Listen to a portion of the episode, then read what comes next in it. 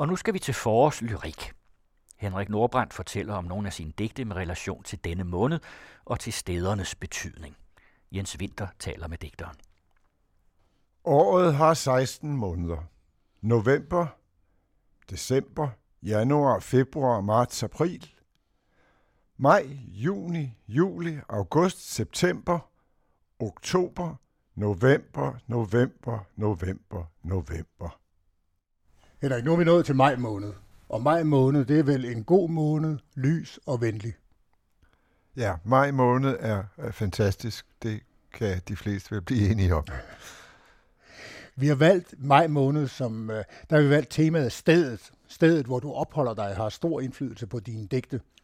Kapitlet indledes med dit digt om maj morgen fra samlingen Støvs Tyngde fra 1992. For hver nattergal, der tiger, tændes et gråt strå i græsset. Op af jorden hæver det lys sig, der slukker stjernerne. Gusten som et udslip fra underverdenen. Skyggerne opløses. Lyden fra havet står dump og massiv som cement. Alle vil væk fra alle, men ingen magter at tage det første skridt. Det er morgen, og nattens vogtere holder vagtskifte med dagens. Låse og slår slår blå gnister, så smelter den første solstråle, vesiret på en, der ikke modstod, trangen til at se sig tilbage. Og jeg står i rillet sand og støtter mig til en fortøjet robåd, der flyder på højde med mine knæ. Op af jorden hæver det lys sig, der slukker stjernerne, skriver du i digtet. Er det maj måneds lys, du ser sådan? Det må det jo være. Og senere så hedder det, det er morgen, og nattens vogtere holder vagtskifte med dagens. Er maj den måned, hvor øh, dagen definitivt afløser natten? Ja, det er det. Sådan, sådan synes jeg i hvert fald godt, man kan opleve det. Det var meget præcist sagt. Men så om maj, der siger du så, at senere på måneden, der kommer de der forbandede lyse nætter. Ja. Dem kan du ikke lide? Nej, jeg er ikke så begejstret for dem. Jeg kan godt se, de er smukke, og for den sags skyld også poetiske, men uh, de er lidt uh, foruroligende. Men altså, jeg har det jo sådan, at uh, jeg burde jo være født og have levet hele mit liv i troberne, fordi jeg kan godt lide, der er orden i tingene. Jeg har det fint med, at solen står op klokken 6 og går ned klokken 6, og det må den godt gøre hele året igennem. Og det gør den dag ja. efter dag efter dag ja, efter dag. Ja, og det synes jeg er pragtfuldt. Jeg kan virkelig godt lide det. Hvad vil det sige, at lyset i maj bliver alt for meget?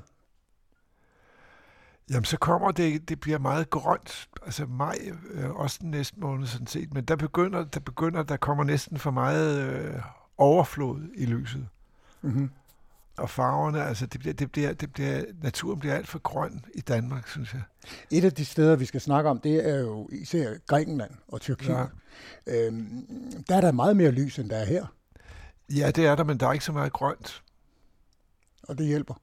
Ja, altså jeg kan godt lide, altså det er jo noget underligt noget, at man øh, kan foretrække nogle frem, farver frem for andre farver øh, i, i landskaber for eksempel, men, men, men sådan har jeg det. Sådan meget grønne landskaber er jeg egentlig ikke så meget for, i hvert fald ikke den specielle lysegrønne farve, som man, som man har i Danmark i, i maj og, og juni.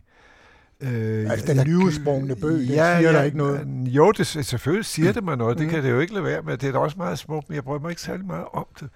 Det, altså, det jeg så godt kan lide ved Grækenland, det er de der gule farver, okkerfarver, og kontrasterne til, til, til det blå vand og den blå himmel og sådan noget. Det, det, det, det, det synes jeg er fantastisk smukt. Det kan jeg ikke blive træt af at kigge på. Men jeg kan meget hurtigt blive træt af at kigge på en bøgeskov, det må jeg indrømme. Inden vi går videre, så skal vi høre et af dine digte, nemlig det, der hedder Jeg tror på stedet. Jeg tror på stedet, som ikke er. Sollyset, der rammer. Et blomstrende frugttræ på en mørk slette. Et diset bjerg, forankret af våde telegraftråde. Og skinnerne, som pludselig får noget at passere. Stedet, der bliver til et øjeblik, for i næste øjeblik er der at blive til et sted. Det sidste om stedet, der bliver til et øjeblik, for i næste øjeblik er der at blive til et sted. Jeg kan ikke nære mig for at spørge dig. Hvad betyder det? Det betyder det, der står. Det må du da kunne se. Jeg kan, det kan ikke udtrykkes på anden måde, end det står der. Okay. Hvorfor har stedet øh, som begreb så stor betydning for dig? Et, et, ikke som begreb, som noget konkret. Et sted er jo noget, netop noget meget, meget konkret.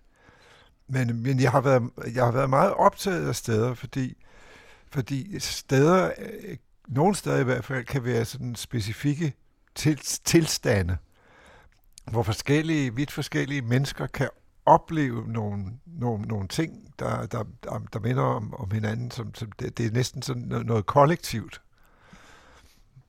Et af de første stednavne, jeg stødte på i et af dine digte, det var Antofagasta. Antofagasta, det er et meget mærkeligt øh, stednavn. Det er så mærkeligt, så det kunne jeg ikke glemme.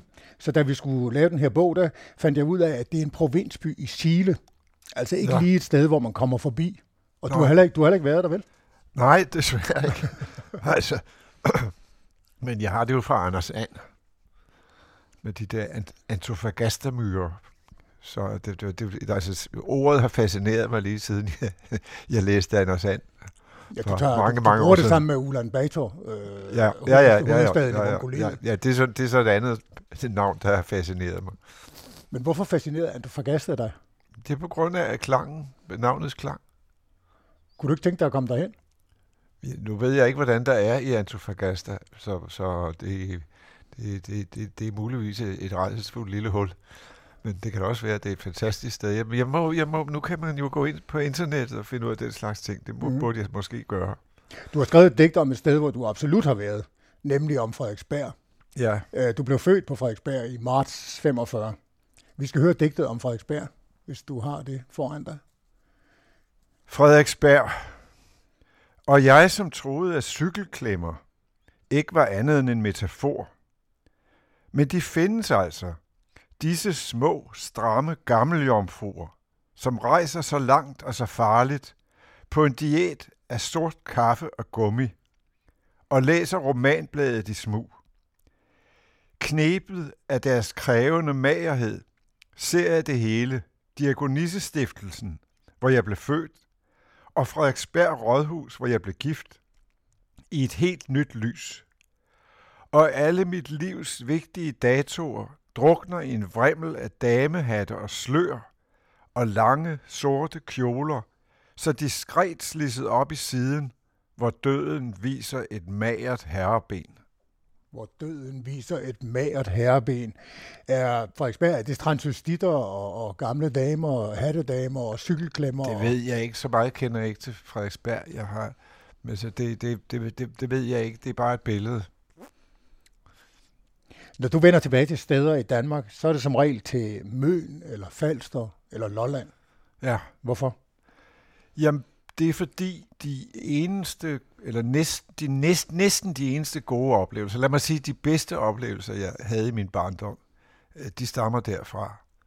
Fra, fra Falster hovedsageligt, også fra Møn. Jeg er også fra Lolland. Så altså København husker jeg som noget mørkt og modbydeligt og, og larmende. Så at, næsten alt, hvad jeg har af gode barndomserindringer, de hører til. For, fordi du var på ferie der, eller hvad? Ja, ja, ja det var klart. Ja, jeg, ja. Var, jeg var på ferie, så det var, omstændighederne var anderledes. Men, men også fordi, øh, jeg var meget overfølsom over for støj, simpelthen. Ikke? Det, er, det er stadigvæk. Så det at bo fra, fra i København for mig, det, det har altid været en, prø- en prøvelse. Det var sporvognene, der vinede rundt? Det var sporvognene, der vinede, og, og, og bilerne og, og motorcyklerne. Det er, altså, nu hører jeg dem igen her om foråret, så kommer, så kommer de der store motorcykler kørende. Ikke? Jeg, jeg forstår ikke, det kan være tilladt at lave så meget støj. Så. Hvad, hvad, hvad, hvad gør Møen og Falster og Lolland ved dig? Jamen det her, det har jo, altså det er meget primitivt, som jeg sagde, det har noget at gøre med min barndom, og derfor kan jeg meget godt lide at være der for de egne, fordi jeg husker de gode ting fra min barndom. Mm. Jeg, du har faktisk skrevet et digt om evigheden og Lolland. Det var fra den samling, der hedder Vi Danskere. Og øhm, det digt, det hedder noget så flot som Ode til den lille flade, altså til Lolland. Ja. Det vil jeg læse op. Ode til den lille flade. Her kan du køre i time efter time, uden at føle, du kommer ud af stedet, som det hedder. Eller huske, hvor du har det udtryk fra, fordi vejen bare fortsætter længere, end du kan nå at tænke, så dine tanker aldrig når tilbage til dens begyndelse, tænker du, og kører videre, fordi du er vokset op her, og af samme uafviselige årsag, så klart, som den fulde augustmåne står lige foran dig, kan se, at du aldrig tog afsted, fordi hver påbegyndt meter her blot spejler sig i den foregående, på samme måde, som de støvede mirabellehegn spærrer udsynet og gør vejen til et fængsel, hvor endeløs den end synes, så hjertet slår hårdere og hårdere, jo længere du kører, jo fladere og mere lig en tromme, jorden tager sig ud i månelandskabets lys, til det fedtede ret glider ud af dine hænder din stakkel, søde, lille Lolland. Du kalder det ude til den lille flade, og alligevel så virker det der jo mere som klaustrofobi på mig. Det starter klaustrofobisk, men det bliver jo ved med jo, men at udvide sig. Det fortsætter... Mirabellehegnene, som man ikke kan kigge henover. Ja, det er fuldstændig rigtigt. Men, men, men, men, men digtet bliver ved, og ordene og landskabet bliver ved med at fortsætte. Det er jo sådan et, et evighedsdigt, som du også det er nemlig, sagde før. Det er et digt, der handler om evighed, ja, ikke? det er fuldstændig rigtigt. Hvad er Så, evighed? Jamen, evigheden kan jo i hvert fald ikke være klaustrofobisk. Nej, den er nærmest det modsatte. ja. Men hvad er evigheden for dig? Jamen altså, hvad er evigheden? For mig, det, det, der er jo ingen, der ved, hvad evigheden er. Det er jo et af de store mysterier her i verden. Du siger, at den ikke eksisterer? Det ved jeg ikke. Altså, det, jeg, ved, jeg ved ikke, hvad evigheden er. Jeg ved ikke, om den eksisterer eller ej. Så altså, det, evigheden kan man jo ikke forholde sig til. Men tror du på den, evigheden? altså, den eksisterer som et ord, evigheden. Jamen, Men, som øh, begreb?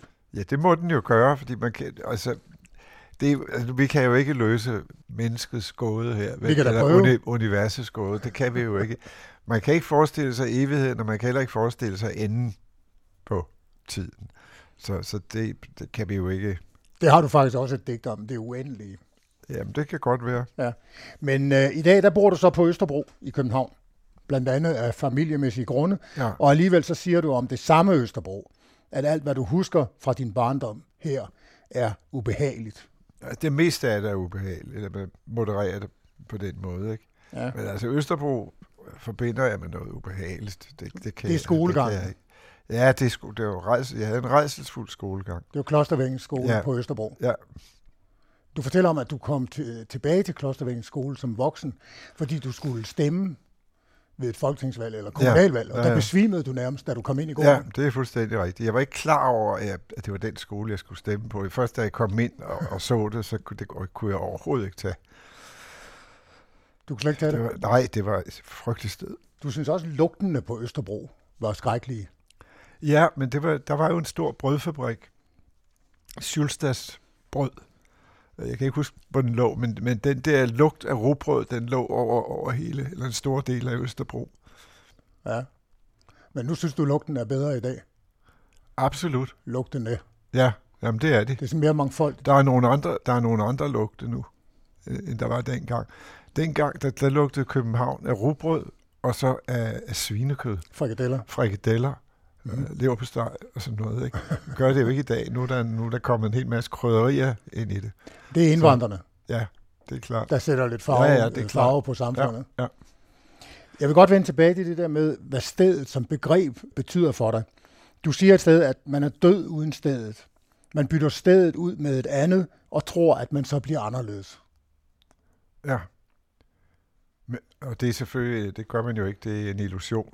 Altså, altså, selvfølgelig kan man blive anderledes på den måde, at, at nye steder jo øh, påvirker en ændrer en. Så, så, så det er jo...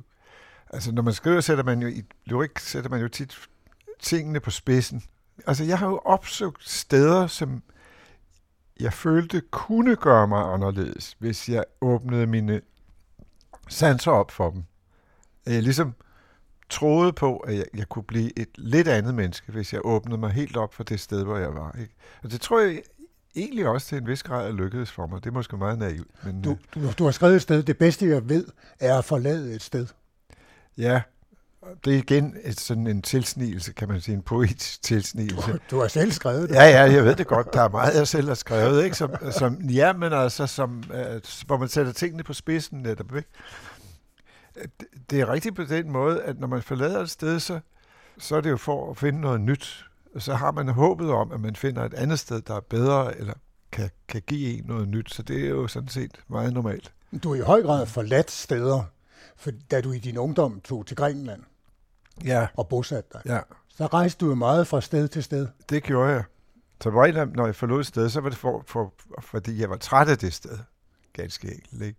Men i samme øjeblik, som man forlader et sted, fordi man er træt af det, så er det jo også med håbet om at finde noget andet, ikke? Altså, med mindre man er flygtning, det må jo være forfærdeligt. Mm. Ja, altså, jeg gjorde det jo frivilligt, ikke? Ja. Det er jo ikke som at skulle forlade et sted, fordi man er nødt til det, fordi man bliver slået ihjel, hvis man bliver der, ikke? Men du fandt aldrig det sted, hvor du ville Nej, blive. det gjorde jeg, det gjorde jeg ikke. Det gjorde jeg ikke. Men jeg havde det hele tiden som en idé. Så også selvom jeg vidste, at det var naivt, så var jeg nødt til at tro på den idé. Altså, når, når jeg rejste et nyt sted hen, så skulle jeg altid have fornemmelsen af, at her kunne jeg blive resten af mit liv. Ellers var det egentlig ikke værd at opholde sig der. Så den, den illusion, øh, den prøvede jeg at bibeholde, selvom jeg godt vidste, at det var en illusion. Du vidste godt, at det ikke kunne lade sig gøre. Jeg vidste godt, det ikke kunne lade sig gøre, men jeg, i, i hvert fald et stykke tid ville jeg gerne kunne bilde mig ind, at det kunne lade sig gøre.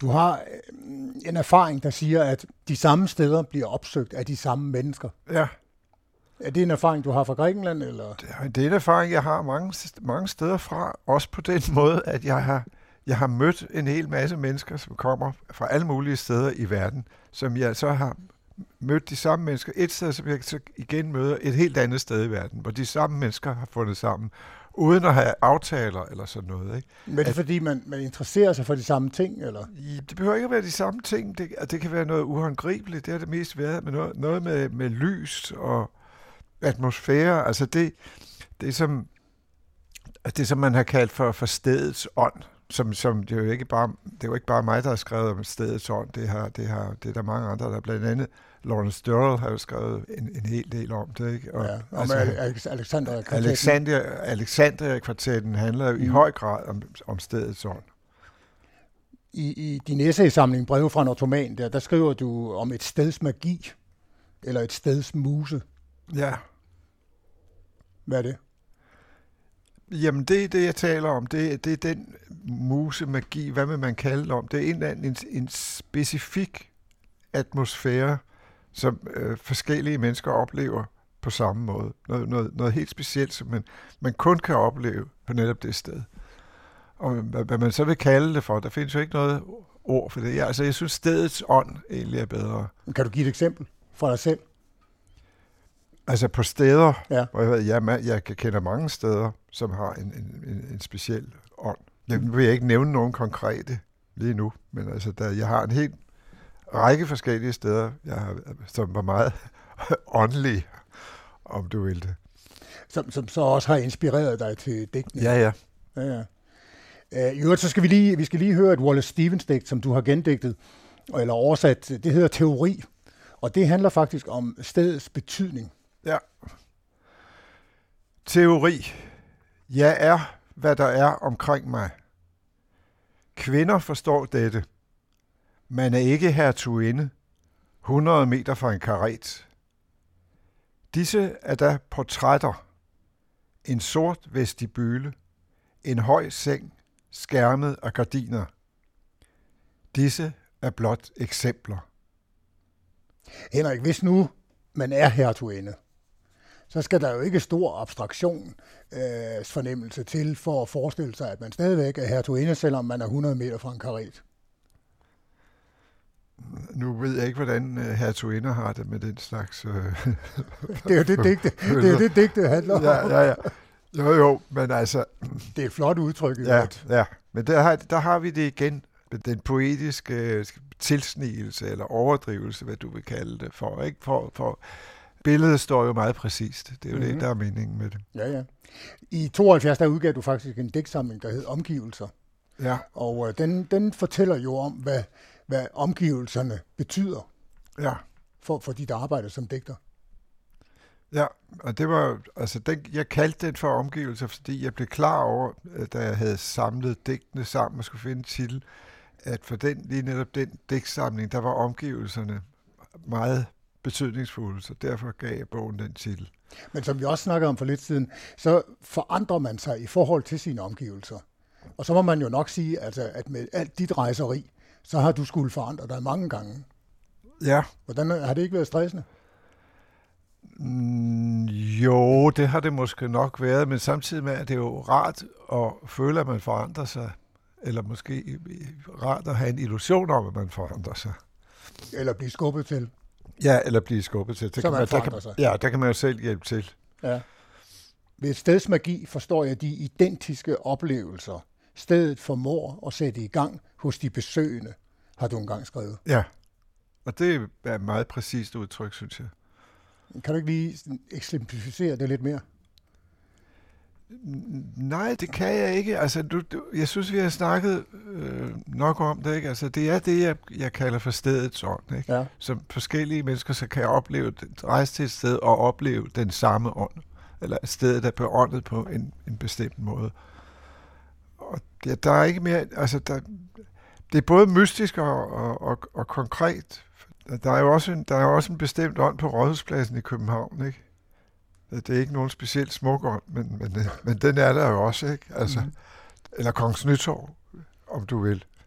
Jeg mener, alle steder har et eller andet, der er, der er specifikt for netop det sted, ikke? Grækenland, det var det første sådan middelhavsland, der virkelig fascinerede dig. Ja, Og øhm, der skriver du, at Grækenland er ikke et sted, der kan beskrives hverken med psykologi eller sociologi. Hvordan skal det så beskrives? man kan udmærket øh, beskrive det med, altså, altså nu tænker jeg på Grækenland, det er det, det rent fysiske Grækenland. Mm. Det er klipperne i havet, øh, duftene og alt det der. Det, det, det, kan man, det kan man ikke beskrive. Altså, hvordan menneskene lever sammen, det er noget andet. Det kan man selvfølgelig godt beskrive sociologisk. Men jeg taler om det, det rent fysiske landskab, som, som næsten kunne være mennesketomt. Bortset fra, at der er også, det er også præget af arkitektur selvfølgelig, og, og så videre. Men jeg taler, jeg taler slet ikke om menneskene. Men det kan kun men- beskrives i digte. Nej, det ved jeg ikke. Altså, det kan vel også beskrives i maleri og musik for den sags skyld. Men i kunst. Ja, i kunst, ja. Okay. ja. Altså i diskussionen om stedets betydning, der synes jeg, der, der, der har vi kredset om en diskussion, øh, hvor stedet og identiteten er hinandens forudsætninger. Ja, Er det ikke rigtigt? jo. Hvorfor er det det? Jamen altså, vi er alle, vi, er- alle mennesker er, er, er, er- produkter af et sted, af et sted eller flere forskellige steder. Du kan bare se på sådan noget som sprog, og inden for sprogene dialekter, som man jo kan, øh, man kan selvom et, et menneske har boet det, det meste af sit liv væk fra sit barndomshjem, så kan man stadigvæk spore lokaliteten gennem sproget, eller en, en sprogforsker, som har specialiseret sig i det sprog, kan i hvert fald regne ud meget bestemt, hvor den person er født og opvokset. Så, så selvfølgelig har det en meget stor betydning. Nu siger du, at vi er alle sammen et produkt af det sted, hvor vi øh, kommer fra, hvor vi er. En del af vores personlighed er Ja. et produkt af det, ikke? Men der er meget få af os, der er så stort, øh, der i den grad er et produkt af stedet, øh, som du er. Tror ikke, du er mere følsom over for det, end, end, end så mange andre? Mm, det, det, det er muligt. Altså, det er jo det, man arbejder med som digter. Ikke? Det er en, en, en, stor følsomhed, eller en, en overfølsomhed, kan du også godt øh, kalde det for. Ikke? Det er da rigtigt nok. Du har mange digte om steder, hvor du kunne lide at være. Og så har du et enkelt Ja, digt om et sted, hvor du absolut ikke kunne lide at være. Ja, Og et sted, hvor du ikke vil vende tilbage til. Ja. Nemlig digtet om New Haven i USA. New Haven. Jeg tror ikke, jeg kommer tilbage til New Haven. Naturligvis kan jeg ikke være helt sikker. Ved et eller andet tilfælde kan jeg jo godt komme tilbage. Men jeg tror det som sagt ikke.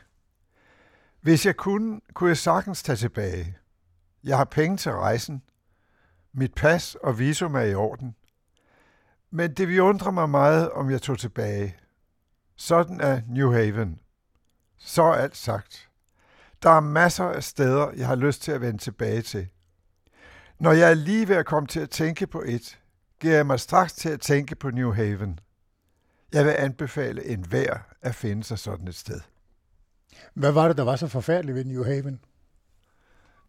Det var som ikke særlig forfærdeligt, egentlig. Jeg kunne... ja, jo, det var det, men jeg så jo ikke... Altså faktisk, det jeg skriver her, det kom ikke til at gå i opfyldelse, for jeg vendte tilbage flere gange til New Haven. Fordi jeg skulle læse op øh, og sådan noget, så både på universitetet. Jeg havde fået at vide, at øh, man skulle ikke tage til New Haven, fordi det var et meget råt sted. Og hvis man endelig tog til New Haven, så skulle man ikke tage ind i en bestemt bydel og en bestemt gade. Og hvad gjorde du? Jeg satte mig op i min bil, og så kørte jeg til New Haven, og så fandt jeg den bydel og den gade. Og så gik jeg ind på en bar. Og det var, altså, det var godt nok ret råt. De, de, de, de, da jeg var ude på toilettet, der stod der noget, som altså, lignede et badekar. Men det var åbenbart til at brække sig i. Hvilket folk også gjorde. Det var lige så stort som et badekar. Ikke lige så bredt og ikke lige så dybt og, og noget, noget længere. Men det var, det var ikke... Det var ikke et pissoir, det var en, en meget stor uh, brækkåbe. Det var en, det, en anelse ulækkert. Det var en anelse ulækkert, ja, det må jeg sige. Hvorfor vil du anbefale alle mennesker at finde sådan et sted, de ikke vil tilbage til? Jo, fordi hvis, hvis, man, hvis man er et sted, hvor man måske ikke særlig godt kan lide at være, så kan man altid finde sådan et sted frem og tænke, det er godt, det er godt jeg ikke skal derhen. Det morsomme ved det er, at et af, et af de steder, hvor du absolut ikke vil tilbage til, det er der, hvor du er kommet tilbage til, nemlig Østerbro. Ja, det, ja men øh, sådan er tilværelsen jo fuld af mærkværdige tildragelser. Hvilke steder vender du gerne tilbage til? Det er Møn og Falster og Lolland, som vi talte om. Ja, altså, når vi, når vi taler om Danmark, ikke? Jo. Mm. Den ultimative øh, måde at opgive et sted på, det har du et digt om her, som handler om den afdøde. Ja. Det hedder, når et menneske dør. Når et menneske dør, bliver dets omgivelser tilbage. Bjergene i det fjerne, kvarterets huse, og vejen, som om søndagen går over en træbro, lige inden den fører ud af byen. Og forårssolskinnet, som lidt ud på eftermiddagen, når en hylde med bøger og tidsskrifter, som uden tvivl engang var nye. Det er ikke spor mærkeligt, men det har ikke desto mindre ofte undret mig. I hørte Henrik Nordbrandt i samtale med Jens Winter i serien om årets 16 måneder i Nordbrands lyrik.